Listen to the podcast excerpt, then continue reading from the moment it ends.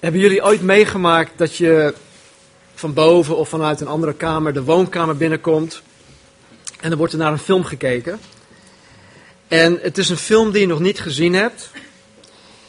En ineens grijpt het je aandacht. En dan vraag je aan de kijkers wat er op dat moment gaande is. En dan krijg je van één of van meerdere kijkers plotseling te horen. Niet storen. Gevolgd door, ik kan het niet uitleggen, je had het van het begin af moeten zien. Ik krijg dat soms. Uh, soms wordt door, door de meiden of Marnie een film gekeken en dan, ja pa, laat maar. Je had het van het begin moeten zien.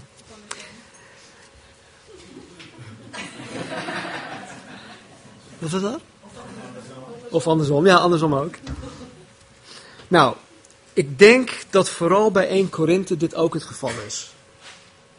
We moeten het begin van 1 Korinthe heel goed begrijpen, anders zullen we door de rest van het verhaal heen onbeantwoorde vragen overhouden. Wanneer we straks eh, ja, de brief in gaan duiken, dan, dan zullen we dingen tegenkomen dat als je het begin niet goed begrepen hebt, dat je dan denkt van, hé, hey, hoe zit dat nou? Hoe kan dat eigenlijk? Dit klopt niet. Of dat soort vragen. Dus we moeten begin, het begin moeten we heel goed begrijpen. Dus vanmorgen zullen we de brief wel induiken, maar we gaan heel rustig kijken naar hoe Paulus deze brief opent. Dus we zullen vanmorgen niet ver komen. We gaan uh, de eerste negen versen met elkaar behandelen. Dat is in principe alleen de begroeting.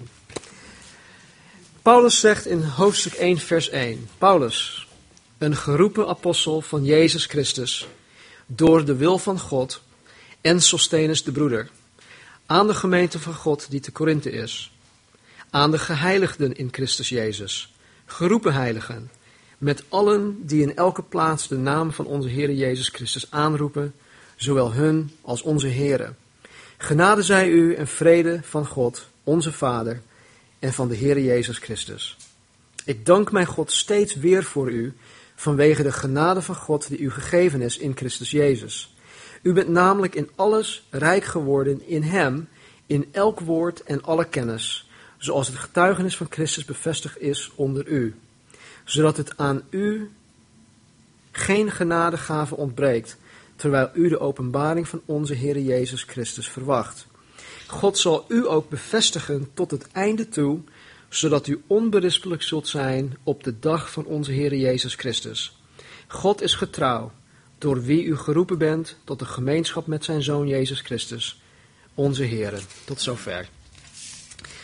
Vader, ik dank u nogmaals voor uw woord. Ik bid, Heer, op dit moment dat u onze ogen, onze harten, ons verstand zal openen, Vader, dat wij absoluut niets missen wat u voor ons heeft. Dus, Heer, spreek tot ons zoals u dat alleen kan door uw woord, door uw heilige geest. En Heer, laat het woord dat vanmorgen voort zal gaan, Heer, vrucht dragen in ons leven. Dank u wel. Amen. Nou, in vers 1 zegt Paulus, Paulus. Hij noemt zijn naam. Een geroepen apostel van Jezus Christus door de wil van God en Sostenus de broeder. Vandaag de dag, als wij een brief schrijven, beginnen we de brief altijd met de geadresseerde in de aanhef. En we eindigen de brief met onze naam. Onderaan, of op pagina 2 of 3. In die tijd was het gebruikelijk om met de naam van de schrijver te beginnen, zoals Paulus dat hier ook doet. En het was handig, omdat in die tijd waren de brieven in, in scrollvorm geschreven. En op deze manier hoefde men niet eerst de hele brief uit elkaar te rollen, om erachter te komen wie de brief geschreven heeft. Dus meteen aan het begin zien we al van wie de brief is. En zo begint Paulus de brief met zijn eigen naam en met zijn titel. Nou, met deze aanhef komt Paulus meteen al to the point. want hij zegt dat hij een geroepen apostel is van Jezus Christus. Dit is belangrijk. Maar waarom? Het is belangrijk omdat later in de brief door wat Paulus schrijft, en ook in 2 Korinthe wat hij schrijft, kunnen we uitmaken dat zijn apostelschap in twijfel wordt getrokken door de Corinthiërs. Zij minachtte Paulus tot een zekere hoogte. Dus zijn apostelschap wordt door hen in twijfel getrokken. Daarom komt hij al meteen met: Ik ben de geroepen apostel. En dus hij zegt in zijn aanhef dat hij geen zelfgemaakte of zelfgeroepen apostel is. Dat hij ook niet door mensen als apostel is aangesteld. Maar hij is geroepen en hij is aangesteld door de wil van God. Nou, het woord apostel betekent simpelweg iemand die uitgezonden is. Als jullie je kunnen herinneren, in Lucas hoofdstuk 6 had Jezus zijn twaalf discipelen bij zich en hij stuurde hun uit voor, voor zichzelf om naar plaatsen te gaan waar hij later ook zelf zou komen. En in Lucas hoofdstuk 6 worden de discipelen apostelen genoemd. En hij noemt hun, hun apostelen op het moment dat hij hun uitzendt. Even later in het hoofdstuk worden ze weer discipelen genoemd. Dus het uitzenden heeft, of het apostelschap heeft, heeft expliciet te maken met het uitgaan, met het uitgezonden worden. En Paulus is door God geroepen om zijn bijzondere ambassadeur te zijn en is namens Jezus Christus uitgezonden tot de gemeente, tot de wereld, om het evangelie te verkondigen. Hij is uitgezonden. Nou, in zijn aanhef noemt Paulus ook Sostenus de broeder. Nou, dit is blijkbaar iemand die voor de Corinthiërs bekend is, anders zou hij hem waarschijnlijk niet genoemd hebben. Nou, ik weet niet of jullie dit nog herinneren. Het is alweer een tijdje terug, maar in Handelingen 18 kwamen wij ook een Sostenus tegen. Toen Paulus in Korinthe kwam, kwam hij een zekere Sostenus tegen. Deze Sostenus was de, de het, het, hoofd van de, um, van, um, de synagoge. En op dat moment sleepte deze Sostenus Paulus voor de rechterstoel. Hij zei, Paulus dit, dit en dat. Hij had allerlei aanklachten over Paulus, maar het is hem niet gelukt. Nou, na, na, na, na deze gebeurtenis um, werd deze Sostenus um, in elkaar geslagen door de Grieken die daar waren. Maar goed, een heel ander verhaal. Als je dat niet, nog, uh, niet meer kan herinneren, luister, beluister nog even de studie 7043 en 7044 die op het internet staat. En dan kan je dat allemaal weer terughalen. Maar goed, we weten het niet zeker vanuit deze brieven. Maar als dit dezelfde Sostenus is, dan is het natuurlijk hartstikke gaaf dat deze Sostenus als hoofd van de synagoge tot geloof in Jezus Christus is gekomen. Hij is bekeerd. En dat hij nu dus samen met Paulus op zendingsreis is meegegaan. En dat is natuurlijk hartstikke gaaf. Nou, vers 2. Aan de gemeente van God die te Korinthe is. Aan de geheiligden in Christus, geroepen heiligen. Met allen die in elke plaats de naam van onze Heer Jezus Christus aanroepen. Zowel hun als onze Heren. Nou, Paulus zegt hier nadrukkelijk dat de mensen die in de naam van Jezus in Korinthe samenkomen, de gemeente, niet het eigendom zijn van een bepaalde groep leiders. Met andere woorden, hij zegt niet aan de gemeente van God die te Korinthe is. Hij zegt niet aan Calvary Chapel uh, die te Korinthe is. Of aan de katholieke kerk die te Korinthe is. Of die, die denominatie. Het, het, behoort niet tot een bepaalde denominatie. Het behoort ook niet tot een bepaalde groep leiders. Het is de gemeente van God. De gemeente is ook niet het eigendom van de stichter van de apostel Paulus.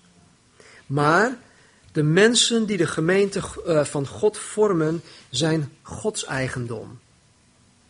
Het is de gemeente van God. En ik denk als, als, als wij dat altijd voor ogen houden, dat wij ook anders met elkaar omgaan. Want als ik zo in de zaal kijk, dan kijk ik naar het eigendom van God. En hoe ga ik met andermans eigendom om? Hoe ga ik met Gods eigendom om? Dus dat is belangrijk om, altijd, om dat altijd voor ogen te houden. Dit is niet mijn gemeente, het is Gods gemeente. Jullie weten, vorige week waren mijn ouders er nog. Mijn ouders zijn best wel, um, best wel trots trots op, uh, op, op, mij, op ons, de familie, uh, wat, wat God hier aan het doen is. En uh, wat, wat ze dan heel vaak zeggen, of nee, ik had ze van, van de week nog aan de lijn. En toen zei ze, oh Stan, we vinden jouw gemeente zo fijn en de mensen en, en de mensen van jouw gemeente en elke keer jouw gemeente, jouw... En op een gegeven moment zeg ik, mam, ik, ik, ik, ik weet wat u bedoelt, maar het is niet mijn gemeente. Ja, schat, dat weet ik wel, maar je weet wat ik bedoel. Maar, dus het is makkelijk om, om, om, ja, om, om die taalgebruik te gebruiken van het is ja, Stens gemeente, of dit, maar het is mijn gemeente, absoluut niet. Het is Gods gemeente. Nou, deze gemeente van God is in de plaats Korinthe. En we zullen zo meteen zien wat een contrast dat is. De gemeente van God in Korinthe. Korinthe was destijds een bruisende wereldstad. Het was een welvarend, druk, groeiend en bloeiende stad.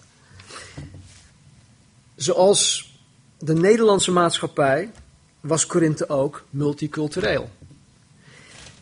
Wegens haar locatie was Korinthe ook een handelscentrum. Er werd daar heel veel zaken gedaan.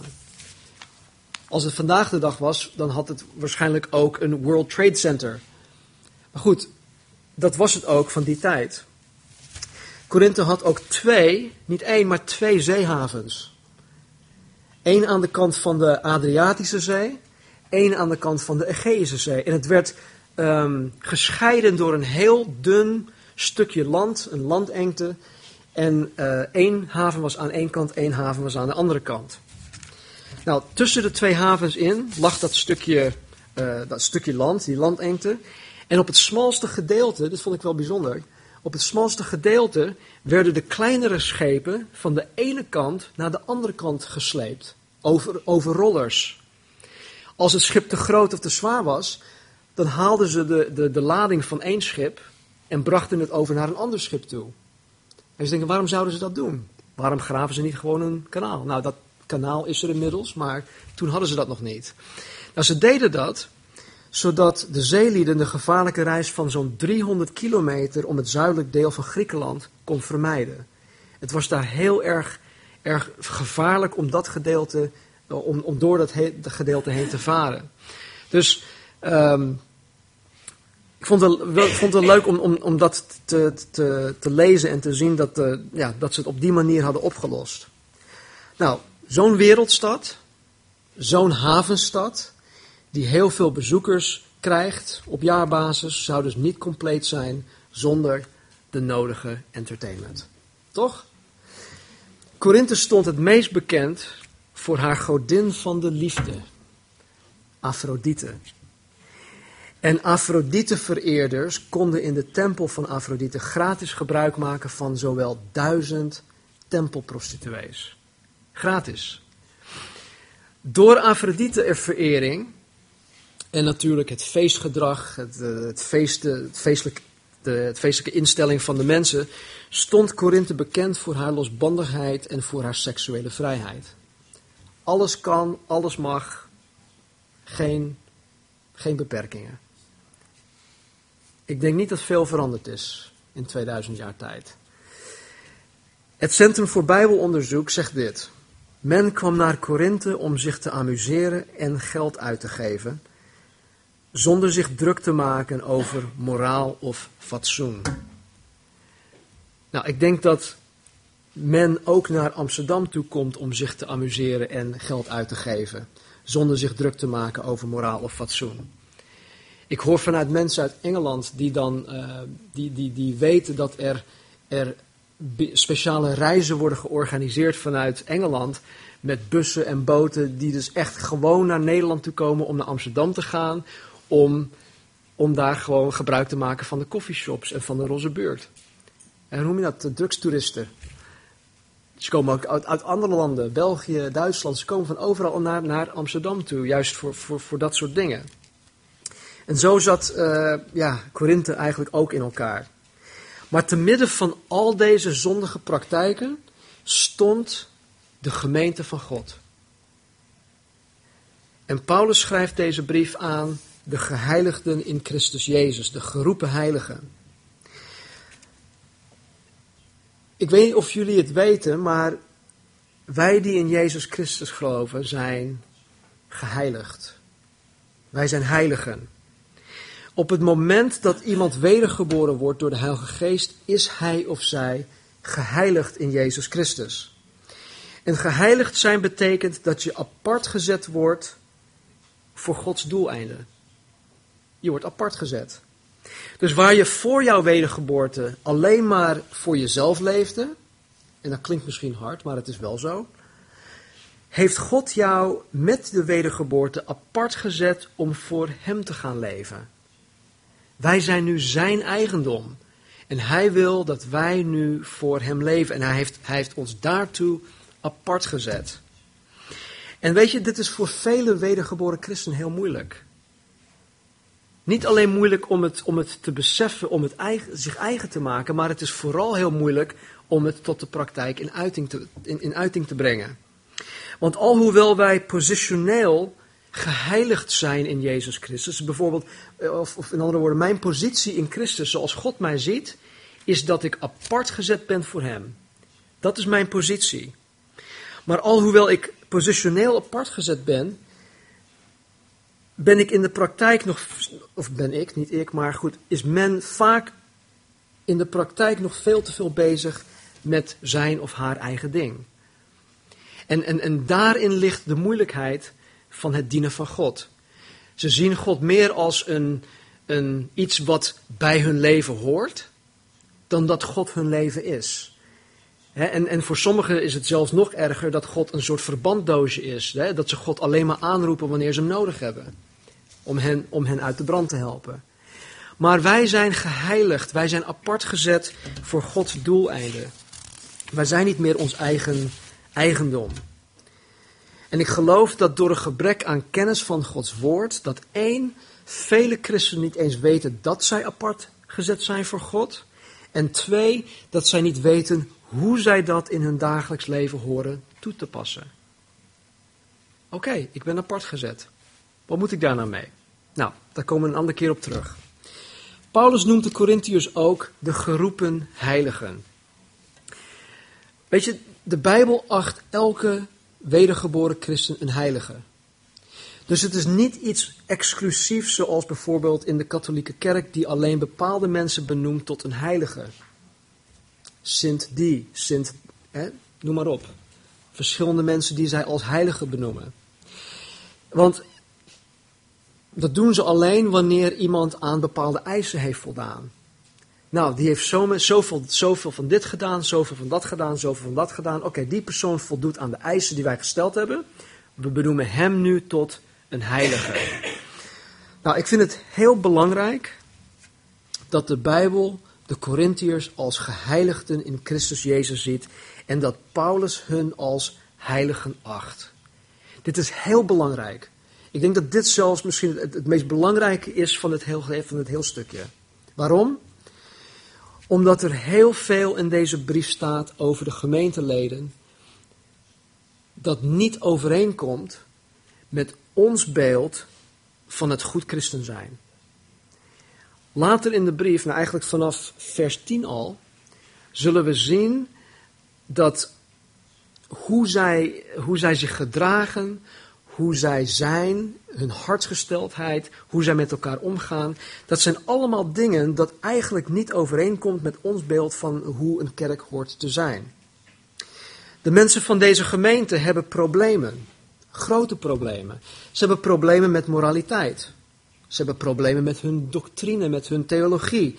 Ze hebben problemen met hun leiderschapsstructuur.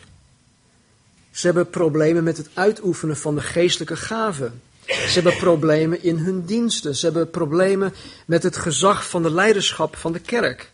Ze hebben problemen met het heilig avondmaal, enzovoort, enzovoort. Een gemeente met één en al problemen.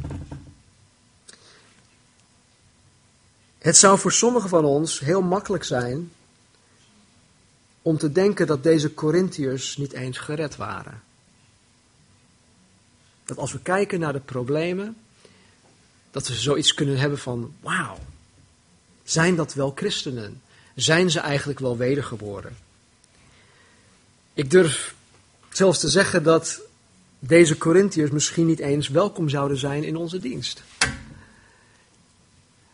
Want het zijn mensen waar wij op neer kunnen kijken.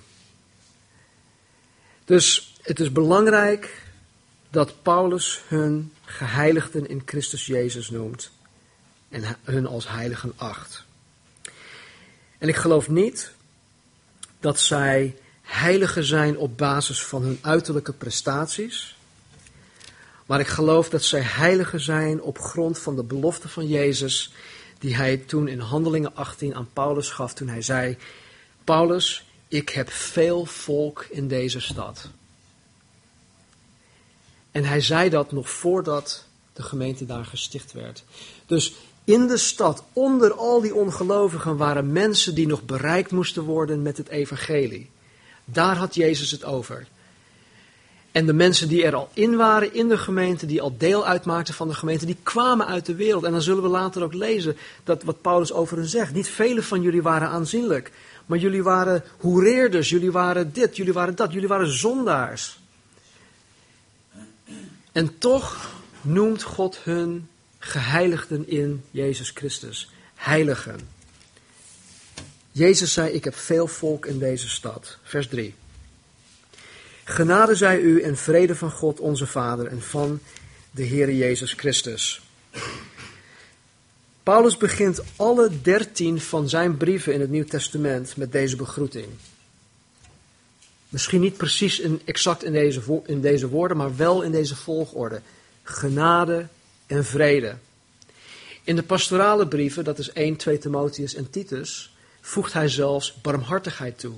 Genade, barmhartigheid en vrede. Nou, genade komt altijd voor vrede. Het is nooit vrede zij u en genade. En dit is omdat genade de bron is van vrede. Zonder genade kan er geen vrede zijn. Maar waar genade mij eigen is, zal mijn leven vanzelf vervuld worden met vrede, met de vrede van God. En als je momenteel geen vrede in je leven hebt, of geen vrede in je hart, dan kan het liggen aan het feit dat je Gods genade niet kent, of niet goed genoeg kent.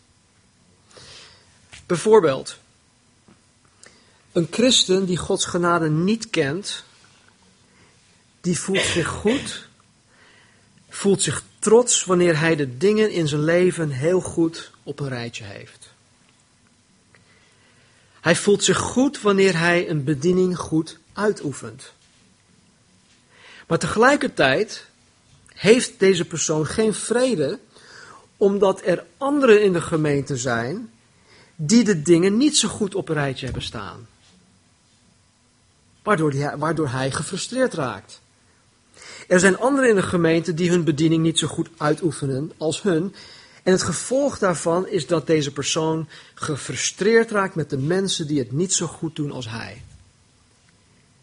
Of die het niet zo goed doen als zij. En vandaar dat die persoon geen vrede heeft. Er zijn ook christenen die Gods genade niet kennen. Die voelen zich daarentegen te neergeslagen wanneer hij zijn leven niet goed op een rijtje krijgt. Hij voelt zich hopeloos wanneer hij, om welke reden dan ook, zijn bediening niet goed uitoefent, als hij het niet kan waarmaken. En zo'n christen heeft geen vrede omdat hij het idee heeft in zijn hoofd dat hij nooit kan voldoen aan de eisen die aan hem gesteld worden. Hij heeft het idee dat hij Gods verwachtingen van hem niet kan naleven. En het gevolg daarvan is dat deze persoon gefrustreerd raakt met zichzelf en ook met de mensen in de gemeente die het wel goed blijken te doen. En vandaar dat deze ook geen vrede heeft. Maar als je Gods genade maar een, een, een beetje kent, als je maar iets hebt geproefd van Gods genade, dan weet je dat het absoluut niet gaat om hoe goed of hoe slecht je het doet.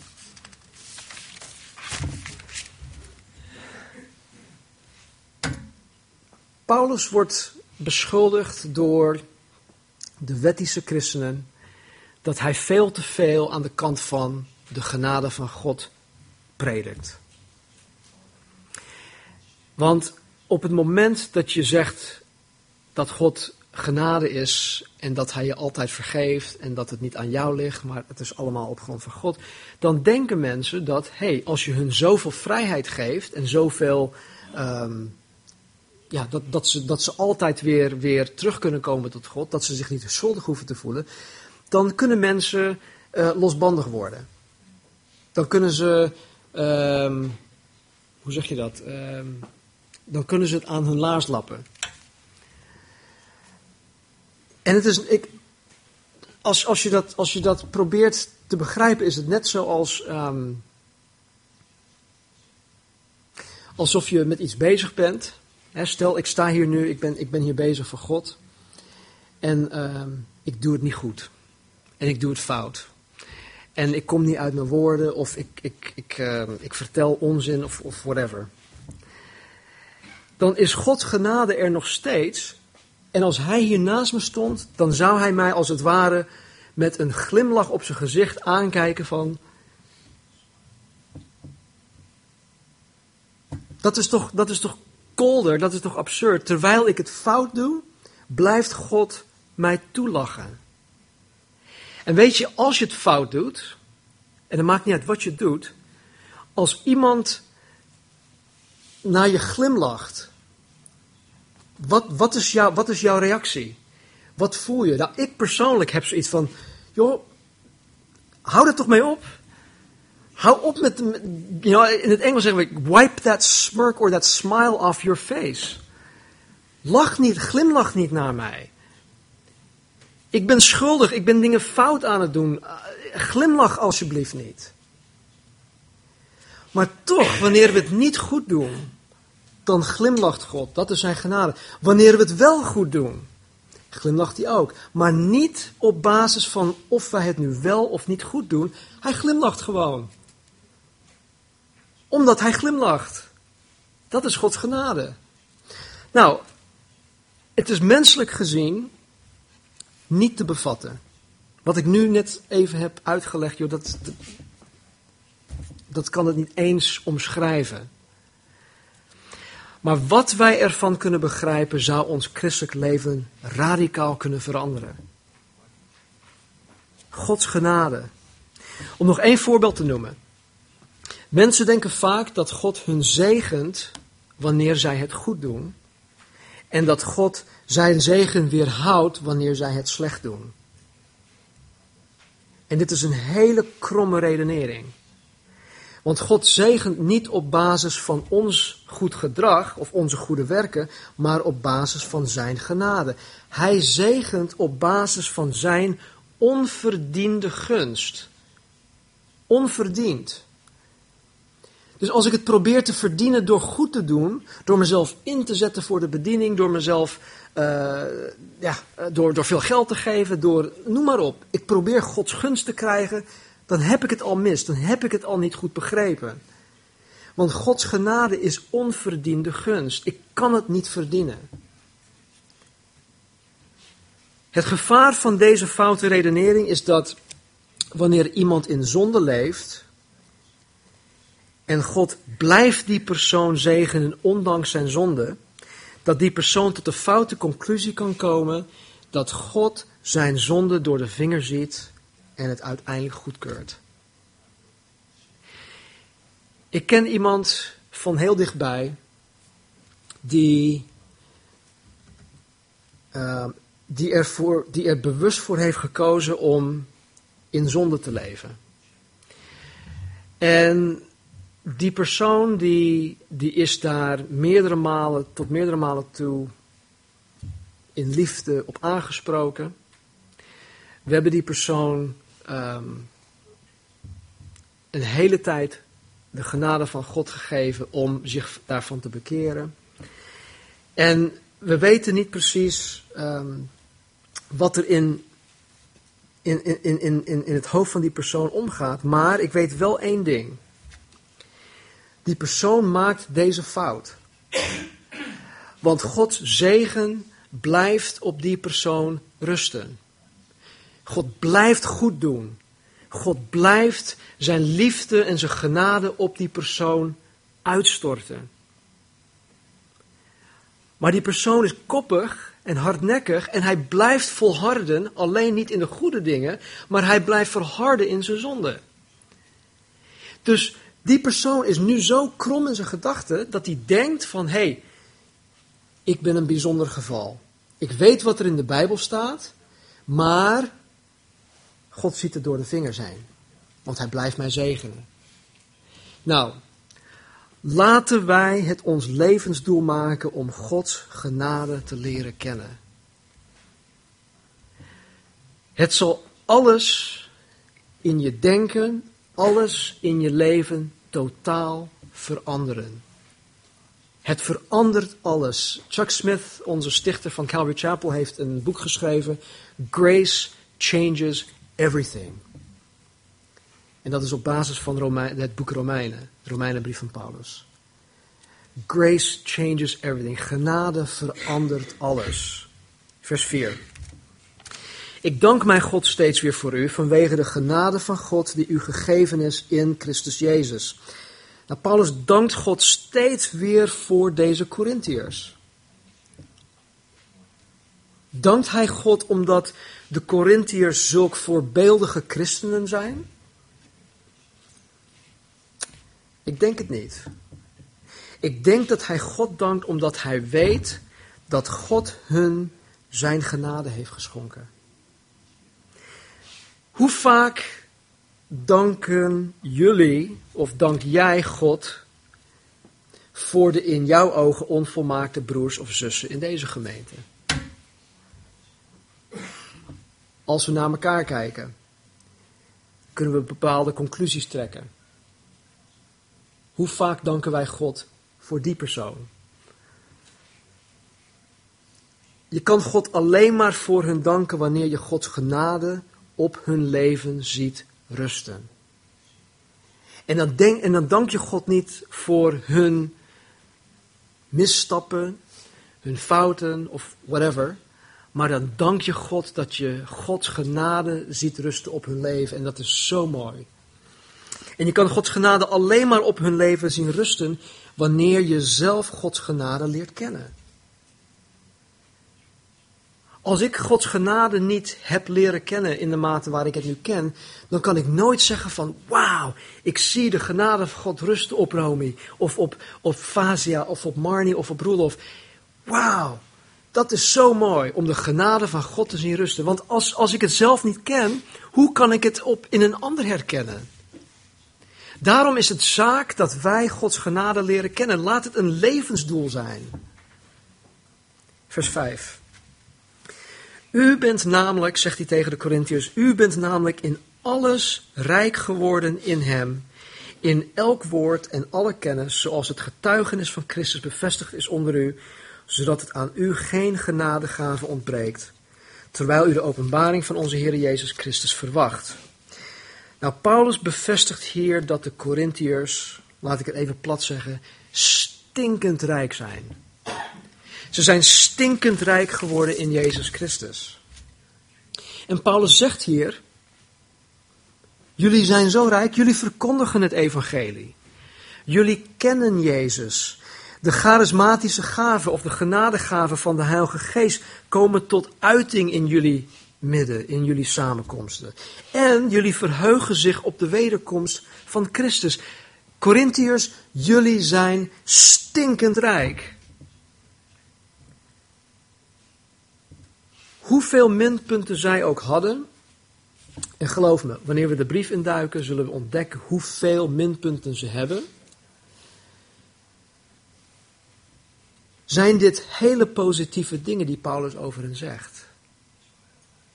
Hij zegt, zij zijn stinkend rijk in Christus. Over hoeveel gemeenten kunnen wij dit vandaag de dag nog zeggen? Wereldwijd. Zelfvoldaan kunnen wij trots zijn op het feit dat wij niet dezelfde problemen hebben als de Corinthiërs. Maar de vraag is, hebben wij dan ook wel hun positieve punten? Nogmaals, de Corinthiërs hadden al deze positieve dingen niet omdat zij zo geestelijk waren, maar omdat de genade van God in overvloed op die gemeente rustte. Vers 8. God zal u ook bevestigen tot het einde toe, zodat u onberispelijk zult zijn op de dag van onze Heer Jezus Christus. De Corinthiërs hadden hun sterke punten en ze hadden hun zwakke punten. Paulus dankt en prijst God voor al het goede dat in, onder en door hun gebeurde. En hij zei met veel vertrouwen dat God voor al hun zwakheden zal zorgen. Dat God het hun zal leren. God zal jullie bevestigen tot het einde toe. Ondanks alle problemen, ondanks hun onvolwassenheid, hun geestelijke onvolwassenheid, ondanks hun vleeselijkheid, het waren vleeselijke christenen, ondanks de foute hartsgesteldheid van deze christenen, was Paulus 100% zeker dat het met de gemeente in Korinthe goed zou komen. 100% zeker. Hoe kan hij zo zeker zijn van zijn zaak? Wanneer er zoveel problemen zijn. Hoe kan hij die zekerheid hebben? Vers 9. God is getrouw. God is getrouw, door wie u geroepen bent tot de gemeenschap met zijn Zoon Jezus Christus, onze, onze Heer. Paulus kan zeker zijn van zijn zaak, omdat God getrouw is. Punt uit.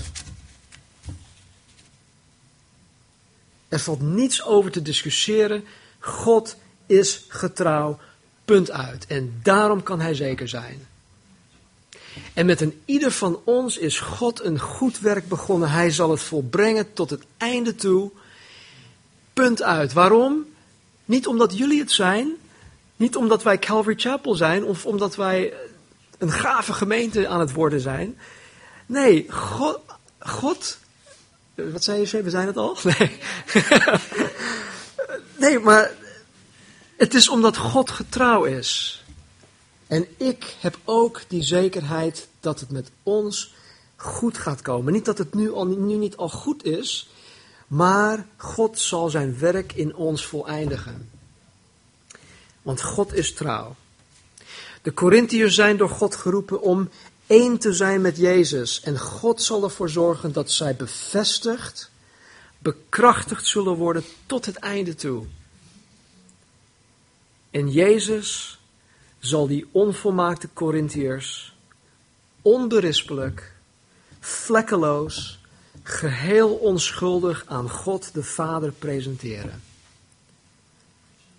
En op een zekere dag zal God, zal Jezus Christus in ieder van ons ook zo vlekkeloos, onberispelijk, schuldvrij, onschuldig aan de Vader presenteren. God is getrouw, door wie wij geroepen zijn tot de gemeenschap met zijn Zoon, Jezus Christus, onze Heer. Nou, als wij dit heel goed tot ons nemen, dan zullen we de rest van de brief in het juiste perspectief zien. Want als we naar de, de rest van de brief kijken, dan kunnen we heel gauw dit gaan doen.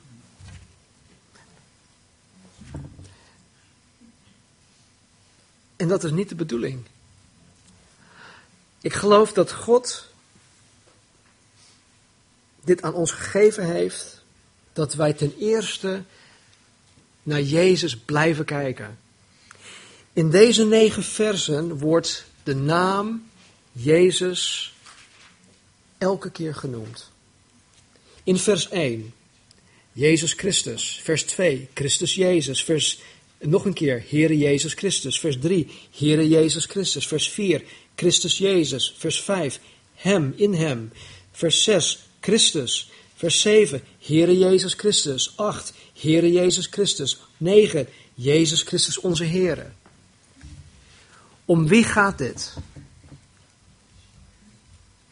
Het gaat om Jezus. En zoals de schrijver van Hebreeënbrief ook zegt, laten we onze ogen vestigen op Jezus Christus, de voleinder van ons geloof. Als we ons op Hem blijven richten, dan zullen we niet dit gaan doen. Niet naar de Corinthiërs en ook niet naar elkaar. Laten we bidden. Vader, u bent getrouw. Punt uit. En Heer, ik dank u zo dat het om Jezus Christus gaat en niet om mij. En ik dank u, Heer, dat, het, dat dit uw gemeente is en niet de mijne. En ik dank u, Heer, dat een ieder hier vanmorgen die uw aanhanger is, Heer, uw eigendom is.